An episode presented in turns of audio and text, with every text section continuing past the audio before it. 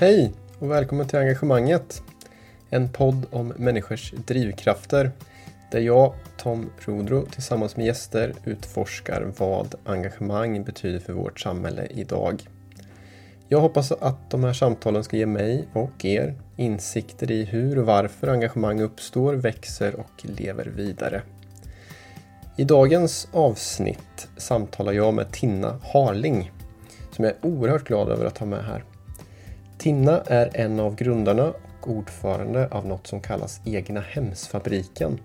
Där man skapar samhörighet och gemenskap genom att bygga hem tillsammans som en alternativ väg till eget boende. Jag fick själv upp ögonen för Egna Hemsfabriken för att jag rätt som det var fick en idé om att jag hemskt gärna någon gång i livet skulle jag vilja bygga mitt eget hem. För de som känner mig så låter det här nog alldeles genomkorkat eftersom jag alltid sett mig själv som en person med tummen mitt i handen. Hur som helst, jag är inspirerad av den här rörelsen och jag misstänker att det ligger ett stort driv och engagemang bakom som möjliggjort att Egna Hemsfabriken utvecklats så som det gjort. Och det skulle jag vilja ta reda på mer om. Hur började det? Varför? Vilka utmaningar finns? Hur kommer man runt det? Och mycket, mycket mer. Men innan dess vill jag också nämna att den här podden spelas in i studion på Nobel 21 i samarbete med KC Kompetenscenter. Och KC Kompetenscenter finns framförallt till för personer verksamma inom den idéburna sektorn. För dem att verka i de olika roller som krävs för en engagerande verksamhet till gagn för individen och samhällets demokratiska utveckling och för övriga sektorer i samhället att öka kunskapen om och förståelsen för den idéburna sektorn. Tack för det KC och nu till samtalet med Tinna. Håll till godo och hoppas att ni ska gilla det. Nej, men då rullar vi tycker jag. Det gör vi. Ehm, ehm, men du, har hunnit komma i ordning för dagen här efter påsken? Mm. Första dagen efter påsk sitter vi här och spelar in här ju. Precis. Jo, men det tycker jag. Jag har landat så smått. Det känns bra. Du sa ju precis att du haft en jättefin påsk eh, på Körn eh, där du bor då, eller hur?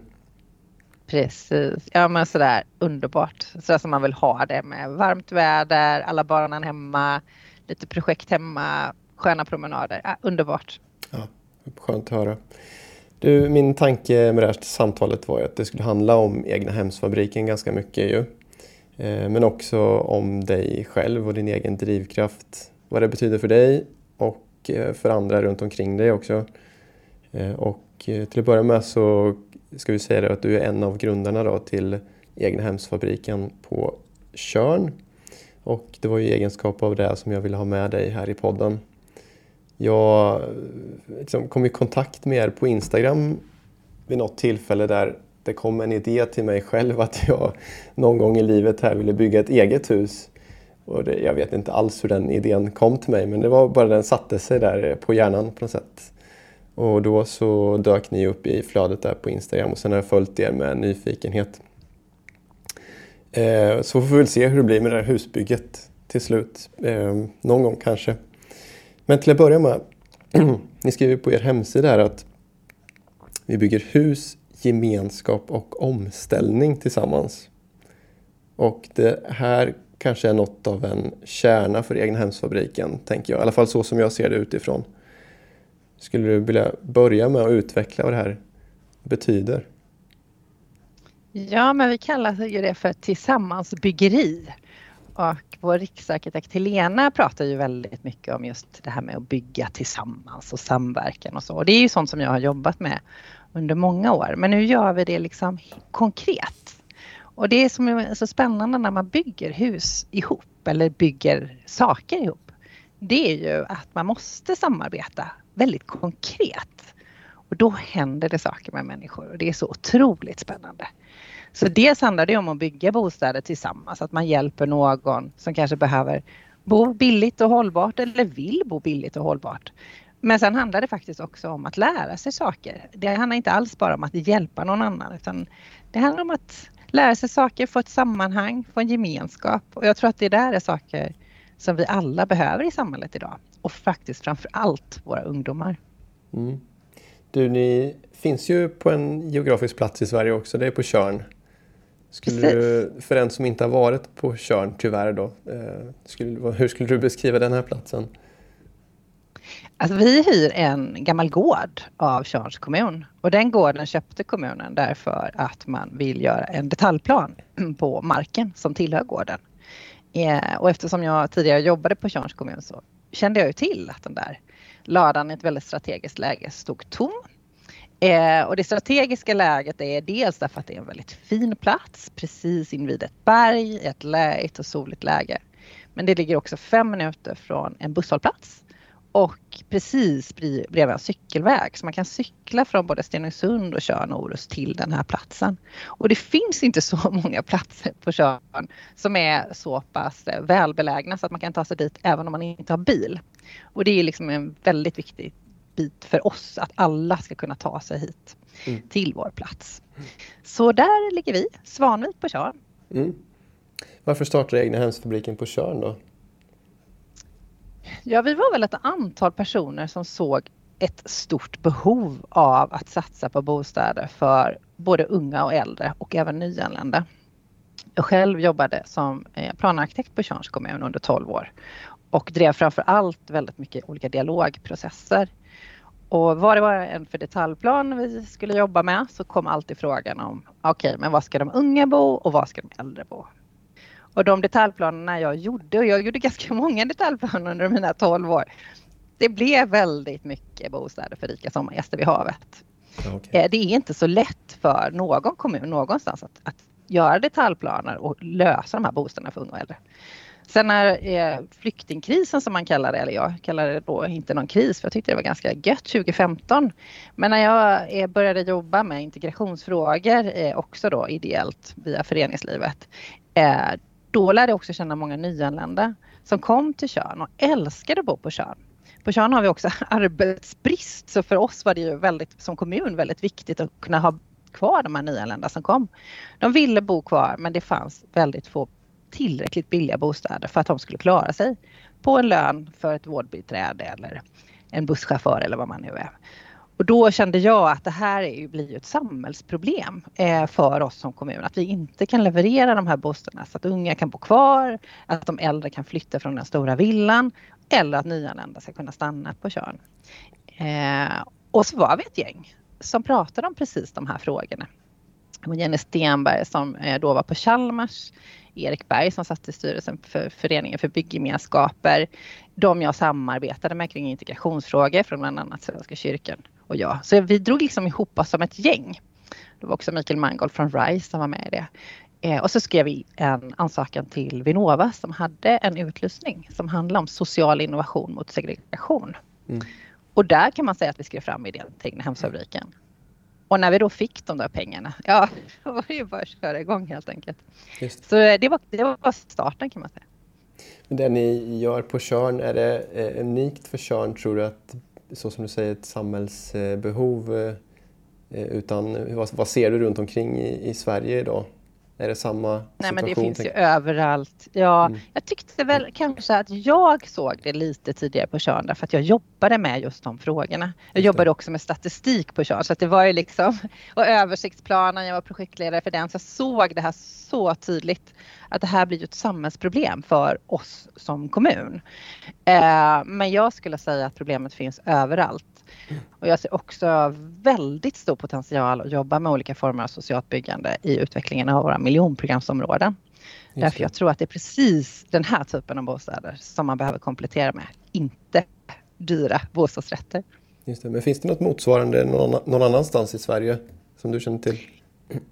inte som i Egnahemsfabriken, men vi tillhör ju en lite större rörelse, den vi kallar socialt byggande, som handlar om att människor ihop eh, går tillsammans för att lösa sitt bostadsproblem eller sitt bostadsbehov. Eh, och det finns jättemycket om runt om i Sverige. Angelica Åkermalm som är från Malmö, precis som du, mm. och som jobbar på Boverket med just frågor kring gestaltad livsmiljö. Hon skrev en bok som hette En annan slags landsbygd som okay. också har varit på bland annat Form Design Center i Malmö. Eh, och där plockade hon upp ett antal exempel. Där Egna Hemsfabriken är ett. Vi har Bottna i Älvsborg som ett annat. Uddebo småhusby som ett tredje. Röstånga. Alltså vi kallar det där våra systerprojekt. Mm. Och jag ser att runt om i Sverige så poppar det upp den här typen av initiativ. Och det där har byggts upp ganska snabbt. Men är någonting som behöver stöttas om det ska kunna utvecklas. Idag är det oerhört svårt att driva en sån verksamhet som vi gör på Egnahemsfabriken. Det går i princip inte att göra det affärsmässigt utan det är helt beroende av enorma mängder ideellt arbete och projektmedel. Eh, och man kan också se att den här typen av eh, olika typer av byggnation har svårt att få lån eh, därför att det handlar om ett icke vinstdrivet byggande. Och det är liksom inte systemet riktigt riggat för. Mm. Men vi samarbetar ju med bland annat Mikrofonden och Ekobanken för att kika på just det. Eh, vi kommer tillbaka till massor av de här grejerna du har nämnt precis nu. Men jag måste ju då bara klara ut en grej som i förhållande till mig själv och mitt eget eventuella byggande i framtiden. Eh, det kanske är en löjlig fråga Tina, så du får ta den för, för vad den är. Men kan man, kan man komma och bygga ett hus hos er om man har tummen mitt i handen? Det tycker jag inte var alls en löjlig fråga. Jag tycker det var en jättebra fråga Tom, därför att det är precis det man kan. Ja, okay. Det är det det handlar om. Förklara. Och vi pratar väldigt mycket om ordet egenmakt. men vi ska såklart hjälpa dig så att du kan bygga ditt eget hus. Mm. Och det är så himla roligt att se för det intresset har också vuxit så enormt. Eh, hela covidkrisen, alltså det har ju betytt tycker jag att dels att landsbygden har fått ett en helt annat intresse. Väldigt många som faktiskt nu väljer att flytta ut till landsbygden. Väljer att bo på ett annat sätt, vill leva på ett annat sätt. Mm. Och där vill man kanske då också bo hållbart och billigt. Mm. Och för att kunna bo billigt så måste man kanske bygga själv. Mm. Så vi försöker ju att hjälpa så många som möjligt att bygga sin egen bostad. Och bygger både hus med människor men har också utbildningar. Vi har haft eh, en jätterolig självbyggarkurs nu under våren som vi kommer köra nästa vår igen. Och till hösten kommer vi ha en liknande utbildning på helfart med Billströmska folkhögskolan för att lära folk som ja. har tummen mitt i handen och bygga sitt eget hus. Och det är jättekul för det är faktiskt mest kvinnor som går på de här utbildningarna. Ja just det, det kanske skiljer sig åt i förhållande till andra byggutbildningar. Absolut. Du, en annan sak här, egna hem är ju ett koncept som kom upp, vad jag vet i alla fall, för drygt, eller ungefär hundra år sedan i Sverige. Och det här vet jag ganska lite om egentligen. Jag bor i ett sådant område eh, själv här i Malmö. Men, men vad, vad, är det som har gjort att ni heter Egna Hemsfabriken och vad har inspirerat er från den rörelsen för hundra år sedan, om något? Ja, absolut. Vi är definitivt inspirerade av Egnahemsrörelsen och det är därför vi har valt det namnet som mm. vi har. Mm. Eh, och det som vi tyckte var spännande med Egnahemsrörelsen, det var ju att man som arbetare fick stöttning det krävdes inte att man var händig, man kunde ha tummen mitt i handen. Man fick hjälp med ritningar, man fick hjälp med inköp av material. Man fick hjälp av en snickarkunnig eh, person eh, som stöttade dig att bygga ditt eget hus på helgerna. Okay. Och sist men inte minst så fick man kommunala tomträtter och väldigt förmånliga lån. Mm. Och det där är ett ganska smart sätt att skaffa billiga bostäder. Eh, och jag skulle så önska att det kunde finnas en modern egnahemsrörelse. Och den behöver absolut inte bara vara baserad på att man bygger små hus utan mindre flerbostadshus skulle också fungera alldeles utmärkt. Det kunde bli mm. både bygg och bogemenskaper med det här sättet att bygga tillsammans. Mm. Ja, det är spännande eh, och ett, eh, någonting som jag känner att jag behöver läsa på mycket mer om så du får gärna tipsa mig sen om eh, eh litteratur och sådär kring egnahemsrörelsen. Ja, du var inne på varför eh, eh ni startade här för, va, hur, hur, länge sedan var det nu ni startade?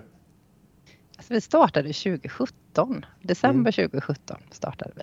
Men en sak som du nämnde också var ju att du själv hade varit ideellt engagerad i integrationsfrågor och sen så har du på något sätt kombinerat det med din egen bakgrund som planarkitekt och jobbat i kommunen och så vidare. Ehm, så hur, hur tänker du kring det där.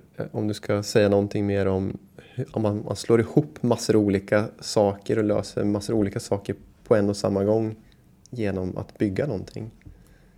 Det är ju på något sätt fascinerande och enkelt i Utifrån ser det enkelt ut men säkert inte så enkelt så, så som jag tänker att det är. Eller hur, hur, hur, ser du på det? Alltså, jag säger att det inte är så himla svårt. Okay. Eh, vi har en mentor på Egnahemsfabriken som heter Anders Nyqvist. Och han har tyvärr precis gått bort vilket är jättesorgligt. Eh, men Anders skrev en artikel i GP som handlade om att man skulle låta de nyanlända bygga sina egna hus tillsammans. Mm. Alltså att både få eh, arbete och också skapa hus. Och det där tyckte Erik Berg och jag som båda läste den här artikeln var en sån fruktansvärt genial idé. Så det kan man väl också säga var en av fröna till idén kring egna hemsfabriken. Och Anders han har faktiskt gjort det där han har dels eh, gjort ett projekt där eh, han byggde studentbostäder väldigt billigt med hjälp av eh, just personer som utbildade sig. Och han har dessutom ritat ett antal hus i en by som heter Rumpans by som är hans livsverk kan man väl säga och som förvaltas väl av de andra som bor i byn. Och han har också en fantastiskt duktig dotter som heter Karin Nyqvist som är arkitekt. Eh, och i Rumpans by så ritade Anders husen och sen byggde folk själva.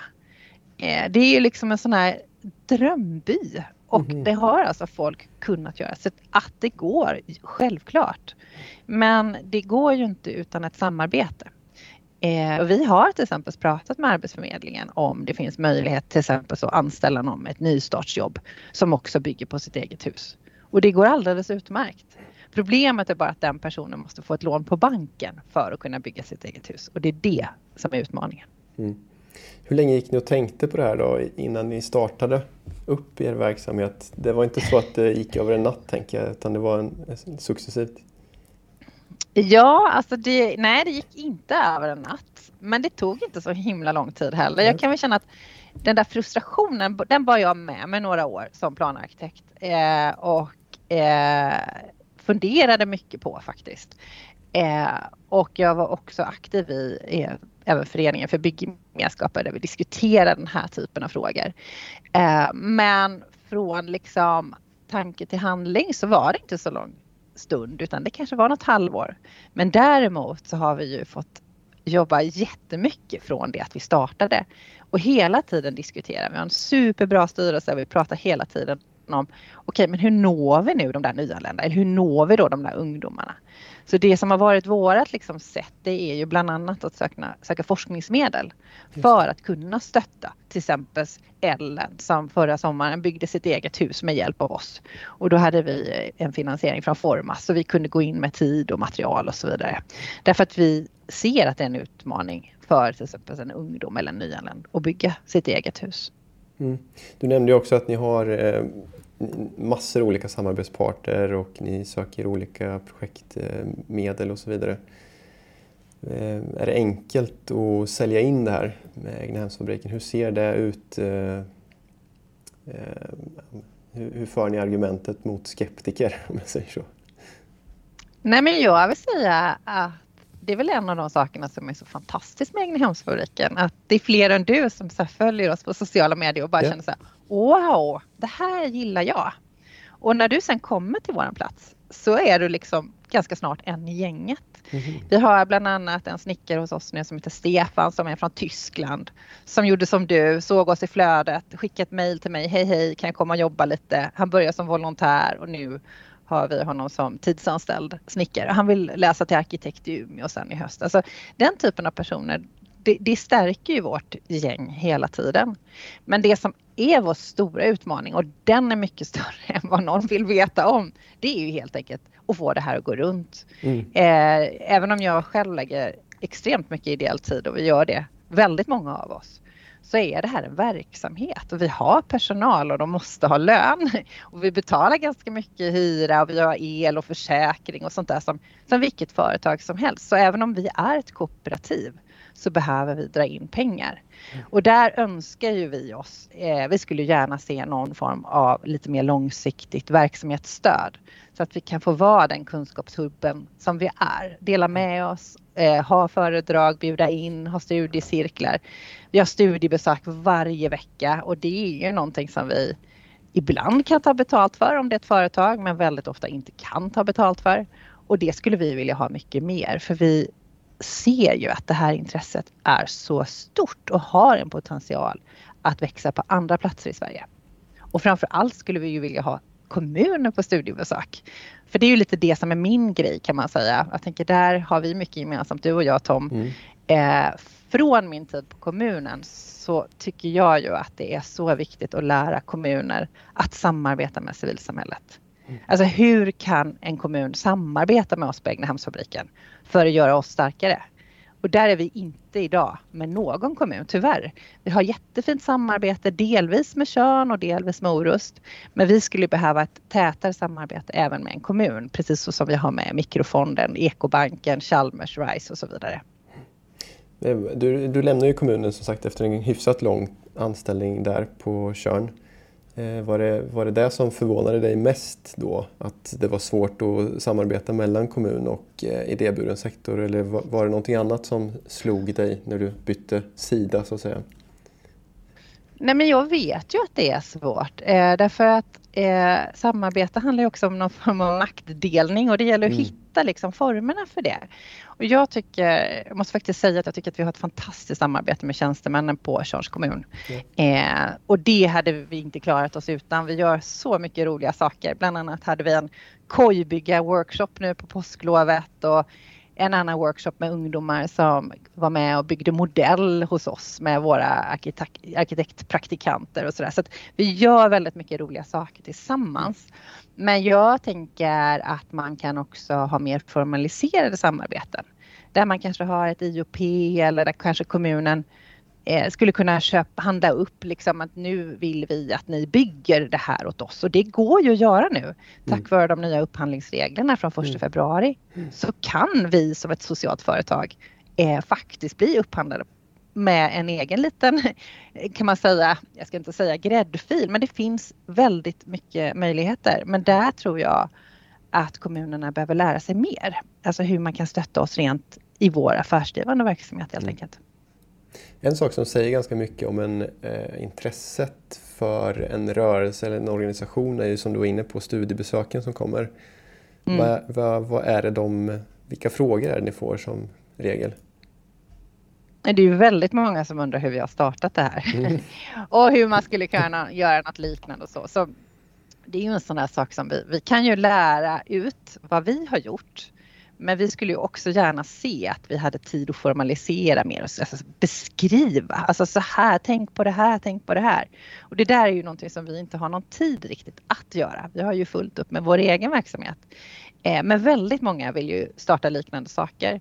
Vi har bland annat eh, en folkhögskola som kommer denna fredag, en annan folkhögskola som kommer nästa vecka och som också är nyfikna på till exempel den här typen av utbildningar som vi har. Det tycker jag är jätteroligt. Just det, men du nämnde också att det var inte så mycket kommuner som kom på studiebesök, eller hörde jag rätt då? Nej, det är inte så många kommuner. Det är kommuner, absolut. Mm. Men det är framför allt andra föreningar omställningsföreningar, är arkitekter. Det kommer arkitekter i, i, okay. i, stort antal och jättemycket arkitektstudenter. Så det som jag tycker är nästan allra roligast är ju faktiskt att det är många arkitektstudenter som kommer till oss därför att de vill göra något annat. De är inte så sugna på det där liksom som de har lärt sig på skolan eller de kanske har praktiserat på ett stort kontor där det faktiskt egentligen bara handlar om att sälja timmar utan man vill mm. göra någonting helt annat. Och då försöker vi uppmana folk att kanske samarbeta i starta upp kooperativ så som vi själva har gjort. Mm, men det båda väl ändå gott för framtiden då? De här arkitekterna ja. kommer ju komma in i olika verksamheter, ibland i kommuner till exempel. Absolut, ja, men jag tror det är jättebra och jag tror också att skolorna behöver bli lite duktigare på att berätta för sina studenter att man kan till exempel bli planarkitekt eller mm. att man kan starta eget. Att kooperativ är en möjlig form. Jag tänker att hela egna hemsrörelsen, vi hade ju Coop och Riksbyggen och HSB. Mm. Alltså alla de här bitarna fanns ju och var en del av hela det här folkhemspaketet. Och det är ganska viktigt för den sociala rörelsen faktiskt också med, med just det här med kooperativ. Så Companion är en viktig part för oss som vi mm. samarbetar mycket. Om jag förstår dig rätt eh, Tina här så är ju husbyggandet en, en del i det ni gör men inte kanske huvudsaken. Så hur skulle du beskriva mervärden som faller ut ifrån den här verksamheten? Kanske både för samhället men också för de individerna som kommer, kommer till er och, och bygger så att säga. Jag skulle nog inte säga att det inte är det viktigaste men att det är lika viktigt för oss att vara den här mötesplatsen som att bygga hus. Mm. Men om vi inte byggde hus så skulle vi inte heller kunna vara den här mötesplatsen. För på något sätt för oss så handlar det om att skapa de här goda exemplen, visa att det går. Mm. För så länge man inte har de här konkreta exemplen så är det väldigt lätt till exempel för som jag ser i Sverige väldigt mycket stora byggföretag som säger det går inte att bygga billigt. Då vill vi visa Jo, det går, men då måste vi bygga på ett annat sätt. Och då vill vi visa konkreta exempel på det här andra sättet. Mm. Är det viktigt för er att vara en förening, Tina? Jag tycker det är helt avgörande faktiskt. Mm, vi pratar ju om att vara ett lokalt utvecklingsbolag med begränsad vinstutdelning som Röstånga och det hade vi kunnat vara. Men att vara liksom, för mig, dels handlar det om demokrati. Vi har medlemmar, vi har styrelse, vi har årsmöten. Det är våra medlemmar som är med och bestämmer vad det är vi ska göra.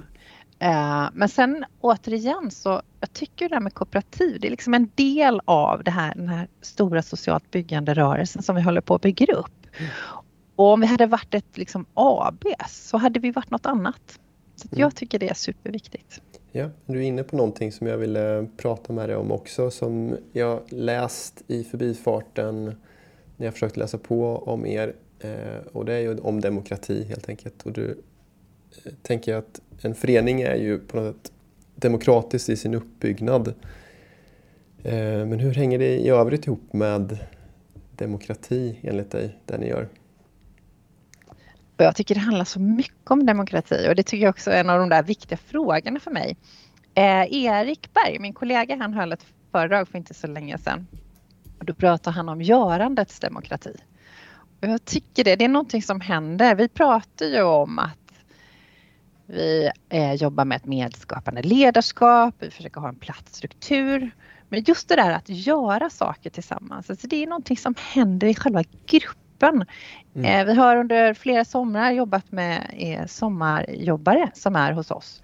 Då försöker vi alltid få till en blandad grupp med tjejer och killar, svenskar och nyanlända. Och när man bygger ihop så lär man ju känna den här andra människan. Mm. Eh, och då blir det ju integration på riktigt. Och det är mm. samma sak tycker jag med demokrati. Alltså när man liksom känner att man faktiskt har den här egenmakten. Att man kan ta saken i egna händer eller att man kan hjälpa någon annan att ta saken i egna händer. Då får man faktiskt eh, dels en känsla av att man kan vara med och påverka och sen tror jag faktiskt att intresset för andra frågor som handlar om demokrati vaknar till. Så jag upplever ju att alla som är engagerade i vår verksamhet är, är väldigt väldigt aktiva, väldigt intresserade av demokrati. Vi pratar mycket om Agenda 2030, hur kopplar det som vi gör till målen i Agenda 2030.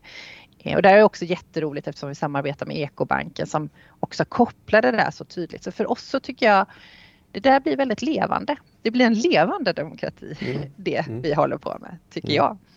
Sen har ni ju också en massa olika samarbeten. Är det liksom någon som är viktigare än någon annan, tror du? Eller har varit viktigare än någon annan i uppbyggnaden av verksamheten? Ja, alltså det är klart att det är viktigt att vi har samarbete med till exempel Tjörns kommun. Det, det, är klart att det är. Det är superviktigt. Men eh, viktigast i vår start, det var faktiskt att vi hade med oss eh, Jenny Stenberg från Chalmers och okay. Mikael Mango från RISE. Och Jenny samarbetar vi ju fortfarande väldigt mycket med, Mikael också för den delen, men framför allt Jenny. Vi skriver nya forskningsansökningar. Eh, Jenny har bland annat ihop med Jan-Henrik Kane fått ett fyraårigt Vinnova-stöd för ett projekt som heter Bostadsinnovationer underifrån, där vi är med på Egnahemsfabriken. Okay. Och den här typen av långsiktiga projekt där vi också just ska jobba med kommuner och där min roll är just det. Det är ju väldigt viktigt för oss för att kunna fortsätta jobba strategiskt. Det är lätt att bli helt liksom dränkt i det här praktiska med APT och det ska vara utvecklingssamtal och man har anställda och det är ju faktiskt så mycket mer som vår verksamhet handlar om. Så att jag tycker att eh, det är väldigt viktigt. Mm. Eh, och sen vi som liksom är kärntruppen naturligtvis, att vi är det här gänget och att vi byggs på hela tiden. Mm. Det hade aldrig gått om inte vi hade blivit fler volontärer, fler personal som kommer in med sin unika kompetens. Det är ju allt möjligt från textilkonstnärer till fotografer till snickare. Alltså vi är ju liksom, det är människorna i Egnahemsfabriken som gör vår verksamhet. Mm. Jag tänkte vända på mitt blad här bara och mm. eh, fråga lite mer om dig själv också mm. i, i detta. Du var ju väldigt noga med att påpeka att ni var ett gäng som byggde upp det här och är fortfarande ett gäng. Så, men om, om vi ändå har lite fokus på dig här, eftersom det är du som är här. Så om jag, om jag får bara slänga ut en grej som ett uttalande som vi har jobbat med lite grann här i Malmö och som jag tänker kanske eh, spelar an på det ni gör. Så är det, sluta gnäll, gör det själv. Kan det, finns det någonting som du känner igen dig i det?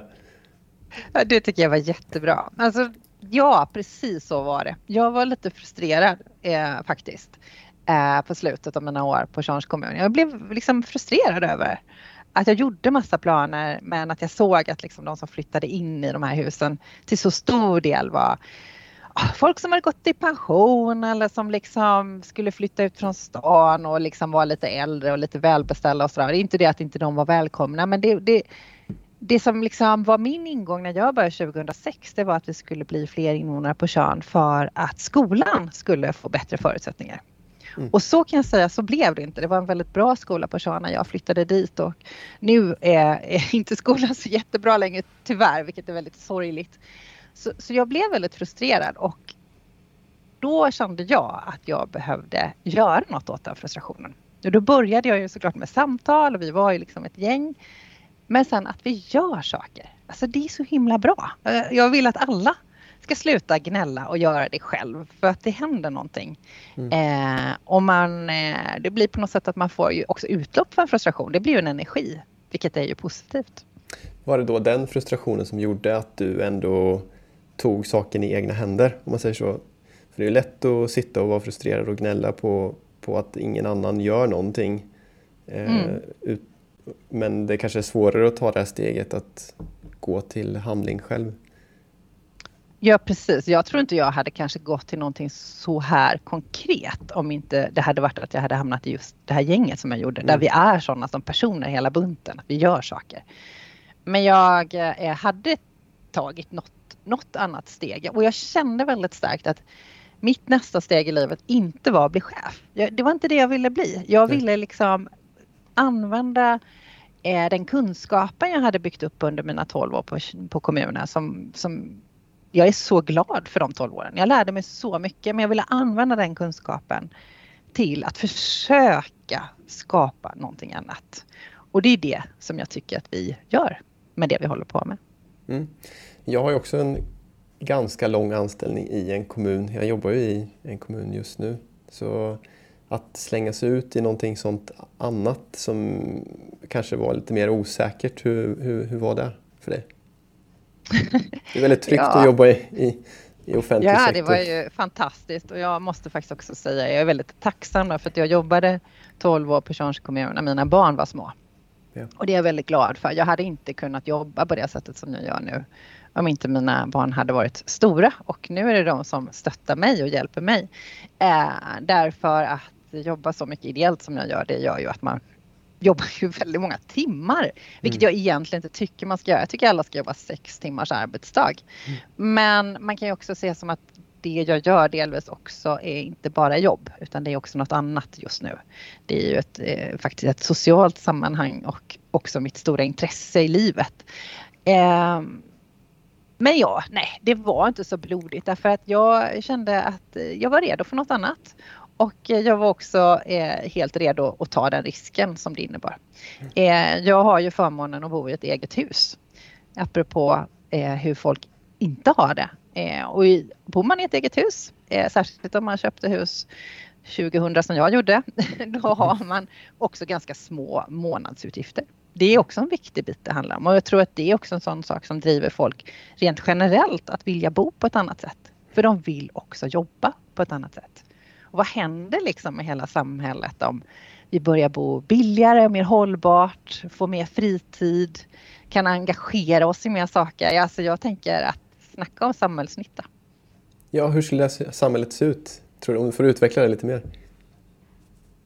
Nej, men jag är helt övertygad om att om folk hade mer fritid så framförallt tror jag våra barn skulle må bättre.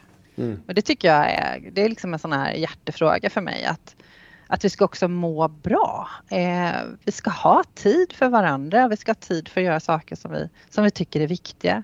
Och jag tror faktiskt också att det är väldigt viktigt för hela omställningsprocessen. Därför att om vi jobbar jättemycket och tjänar jättemycket så lever vi också mindre hållbart. Eh, både man säger som för oss själva som personer men också för planeten. Mm. Har du alltid varit intresserad av bostadsfrågor förresten? Ja, jag har ju det och det var så mm. roligt när jag började tänka på just den frågan för att jag insåg att redan när jag gick i första klass Oj. så byggde jag ju upp en hel stad med min dåvarande bästa vän. Och vi ritade liksom hus i sektion som man såg dem från sidan. Och jag ritade dessutom alla människor som befolkade den här lilla, det var ju ingen direkt stad, men det var väl en liten mindre by som hade skola och kyrka och ICA-affär och allt vad det var.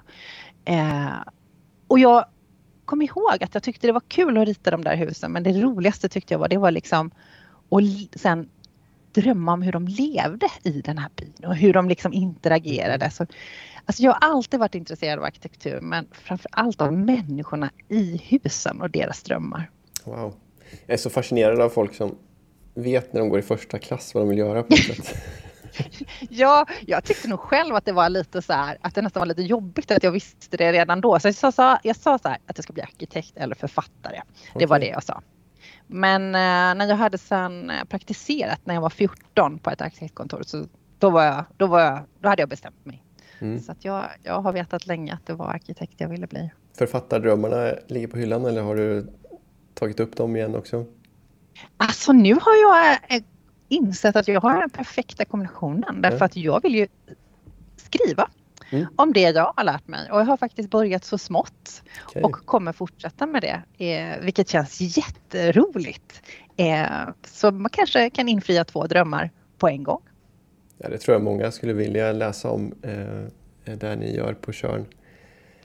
Eh, en fråga som jag tycker är viktig i, när vi pratar om engagemang så som vi gör i den här podden är ju att engagerade personer möter ju mycket motstånd som regel men ger inte upp ändå.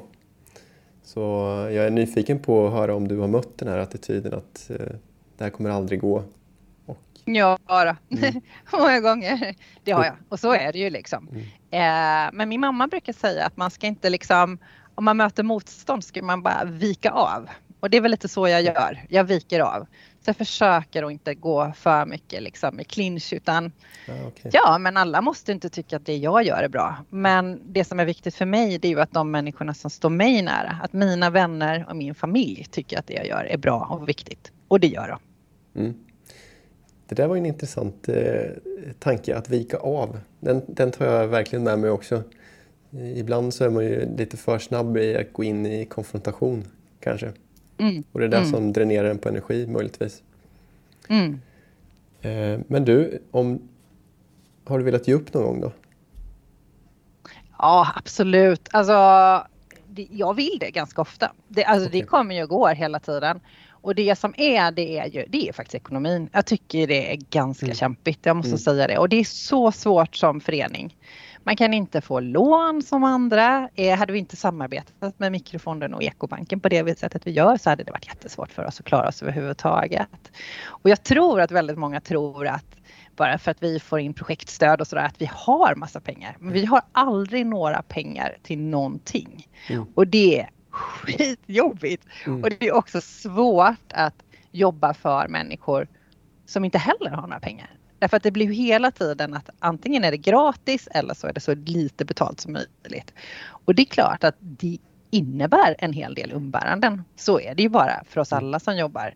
Det handlar ju om att det är annat man själv inte kan göra. Och det kan också vara svårt för våra anställda. Eh, jag fick frågan, har vi friskvård? Nej, det har vi inte. Alltså vi kan inte, så här, vi kan inte betala någon som vill gå på massage eller alltså, för vi måste hela tiden försöka hålla alla kostnader bara sådär superlågt. Och det är det som är jobbigt. Men å andra sidan är det det enda som är jobbigt. Så det får man väl ändå vara nöjd med. Men vad är det som ändå får dig att fortsätta då, när det känns tungt? Nej men alltså jag tycker det vi gör är så himla viktigt. Och jag tycker också att vi får så mycket positiv uppmärksamhet av så många. Alltså det är ju både liksom andra, om man säger gräsrötsinitiativ, eh, men också tycker jag uppifrån. Vi får ju jättemycket stöttning av Boverket och SKR och alltså väldigt många som möter oss tycker att det vi gör är bra och viktigt. Och det ger ju energi såklart. Vi ska bara hitta ett sätt att få loss lite mer pengar också från alla de som tycker ja, det är så bra.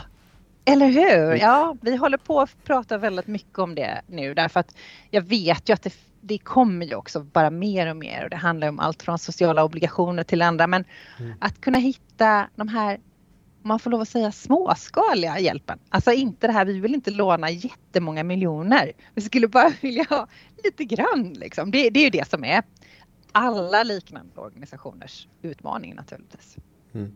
Nu avslöjar du det här med att du satt i första klass och byggde små städer tillsammans med din bästa kompis där. Men finns det någonting annat i din personliga bakgrund som har gjort att du, har, ja, men, att du är där du är idag så att säga? Ja, eh, jag tror faktiskt att om jag inte hade flyttat till Tjörn så hade det här heller aldrig hänt. Vi okay. behövde vara ett gäng där och jag säger inte att det inte hade hänt utan mig för det hade det kunnat men det hade inte varit samma sak. Mm. Eh, och jag flyttade till Tjörn eh, precis när jag var gravid med mitt tredje barn. Jag har tre barn. Uh, och då insåg jag att jag kommer inte orka pendla till Göteborg med tre barn. Med två mm. barn gick det liksom att pendla. Uh, jag jobbade på Canossi Arkitekter vid Järntorget. Vi hade tidigare bott i gamla Masthugget. Vi förflyttade ut den här gården då där vi bor på Tjörn. Och då var det en tjänst ute som planarkitekt på Tjörns kommun. Min mamma hon bor precis bredvid kommunhuset i Skärhamn så hon hittade den där tjänsten och sa är inte det käckt? Så då valde jag att söka den och sen var det så kul. Alltså jag vet ju vad du jobbar lite med Tom i Malmö. Jag tycker det du gör verkar superkul och jag hade väldigt roligt också. Mm. Sen hade jag ju tur med en del saker. Jag hade väldigt trevliga kollegor. Det fanns ett väldigt politiskt engagemang då där man tyckte att eh, det som jag tyckte var spännande tyckte man också var, var bra. Eh, man fattade också ett beslut politiskt att jobba med och utveckla en metod som handlar om cultural planning-metoden. Där man då jobbar med befintliga kulturella resurser i samhällsutvecklingen. Och där fick jag vara med och utveckla den metodiken. Och bland annat projektledare för översiktsplaner som togs fram med, med hjälp av metoden.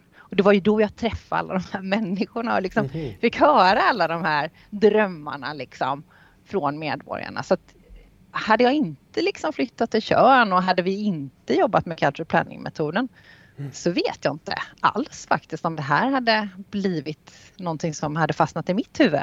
Ja, så det är ju alltid det här med ja, olika saker som händer i ens liv. Det, det tycker jag är väldigt spännande att mm. tänka på. Du, när jag gjorde lite research, det finns ju lite klipp eh, med dig Eh, om du inte visste om det så finns det ju från lite olika konferenser och sådär. Och då var det ganska, ganska kul för att då hittade jag ett klipp där du pratar om just cultural planning. Och då mm. var du fortfarande anställd i Tjörns kommun.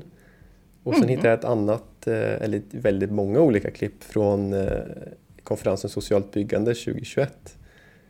Det som slog mig då var ju att det kändes som två olika personer. Som var Jaha. på något sätt, så här, men du, du var Eh, det var ju ett annat upplägg också på socialt byggande-konferensen som var lite mer lättsamt kanske. Du var inbjuden mm. som talare på den här andra konferensen om jag förstod det rätt. Mm. Så det var ganska spännande att se de två olika sammanhangen. Eh, för mig så kändes det som att det var mer lustfyllt av den här socialt byggande-konferensen. Kan... Ja men eh, det är ju liksom min, vad ska jag säga, hela socialt byggande-konferensen är ju det är ju en dröm tycker jag att få vara mm. med och, och, och, samordna den konferensen. Och jag var ju faktiskt också med i samtalet under den tiden jag jobbade på Tjörns kommun. För då var jag engagerad i det som idag heter Urban Futures och som då hette Mr Urban Futures via Tjörns kommun. Bland annat var med och skrev en rapport om dialog i stadsbyggandet och så med just eh, Mr Urban Futures. Så då var jag med i det här samtalet och diskuterade det här med behovet av bostäder för utsatta grupper. Mm. Och Eh, sen när jag då började med Egnahemsfabriken så hade jag kvar kontakterna och personerna då som jag hade diskuterat det här med och då blev det faktiskt så att eh, Urban Futures var med och initierade kan man säga uppstarten till socialt byggande-konferensen där jag då blev samordnare 2019 mm. och där vi nu är igång. Vi har faktiskt också fått projektmedel av Vinnova så vi vet att vi kommer också köra 2023 vilket är ju superkul och det är just det som jag tror är grejen att det inte bara handlar om egna hemsfabriken eller något projekt här eller där utan det här är liksom en rörelse. Och då behövs ju de här konferenserna för att liksom mötas så att, så att det också blir synligt, att vi får se varandra, att vi får träffa varandra. Eh, men jätterolig spaning att jag, att jag faktiskt eh, var olika personer i de här klippen. Jag tycker du har gjort en en väldigt eh, gedigen research Tom. Jag måste kanske sätta mig och kolla på de där klippen själv. Det är säkert sant det du säger. Jag vet inte vad jag vill komma jag med det. Jag tyckte det var kul. Eh, ja, jag tyckte det var kul. Liksom, jag har alltid trivts vad jag än har gjort. Jag tyckte det var jättekul att jobba på Tjörns kommun också. Men det är klart att det jag gör nu, det är ju det jag vill. Så det är klart att det är ju det som jag tycker är allra roligast. Ja, det, var, det var väl kanske den känslan jag fick när jag såg på det också. Också kanske att man kan göra saker och ting på olika sätt. Mm. Det var ju mm. lite annat upplägg då på de två olika mm. Eh, konferenserna. Mm. Där det, där det socialt byggande konferensen tycker jag då var lite mer lekfull och lättsam men ändå om allvarsamma eh, eh, utmaningar som vi har. Mm. Mm. bara det.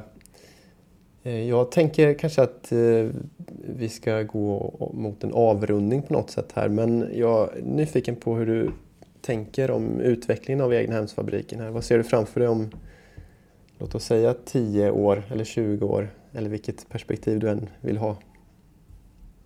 Ja, jag tänker väl att jag hoppas att egnahemsfabriken är kvar. Det tror jag också. Eh, jag hoppas att inte vår verksamhet på Tjörn har blivit så mycket större Eh, men kanske att det finns andra egnahemsfabriker på andra ställen. Mm. Det tycker jag hade varit det roligaste.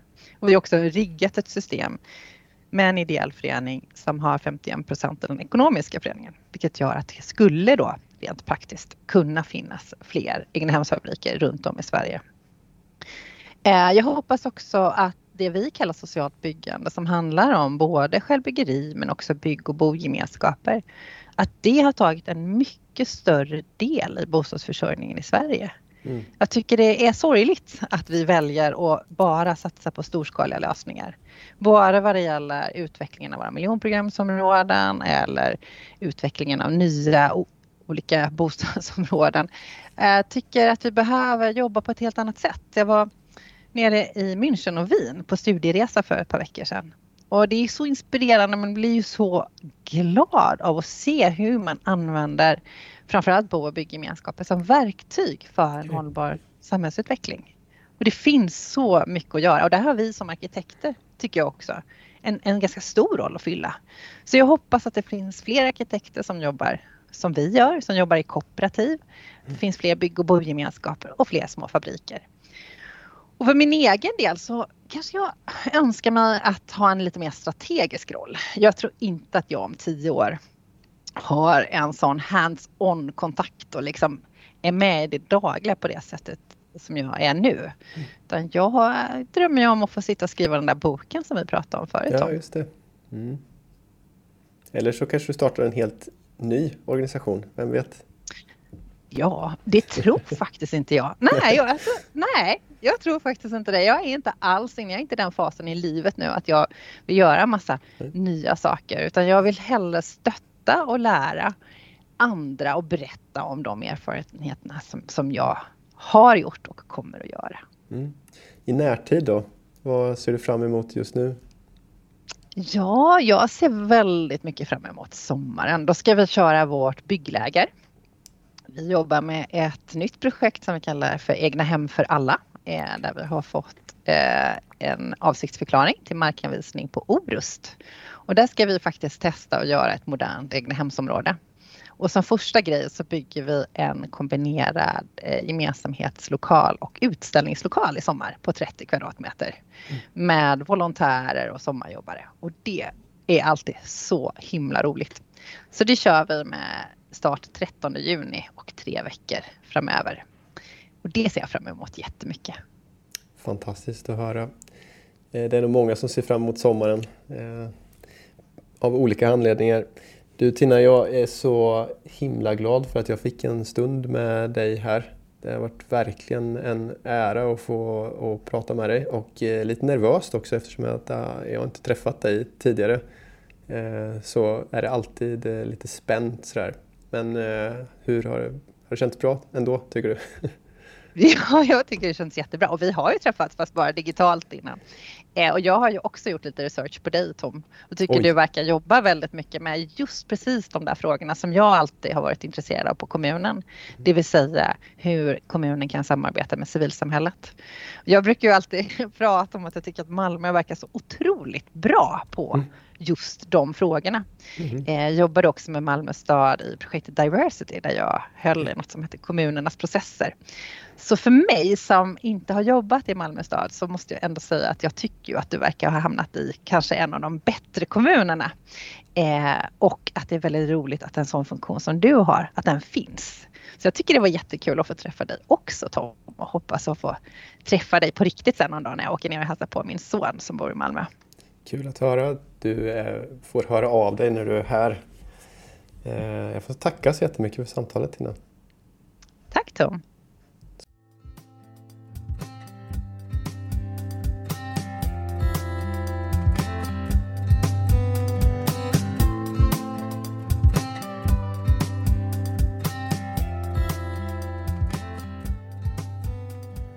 Det var allt för idag. Tack för att ni har lyssnat. Hör gärna av er till mig om ni har tips på vem ni vill höra i den här podden. På mail tom.rodro.gmail.com eller via sociala medier. Ta hand om er. Hej!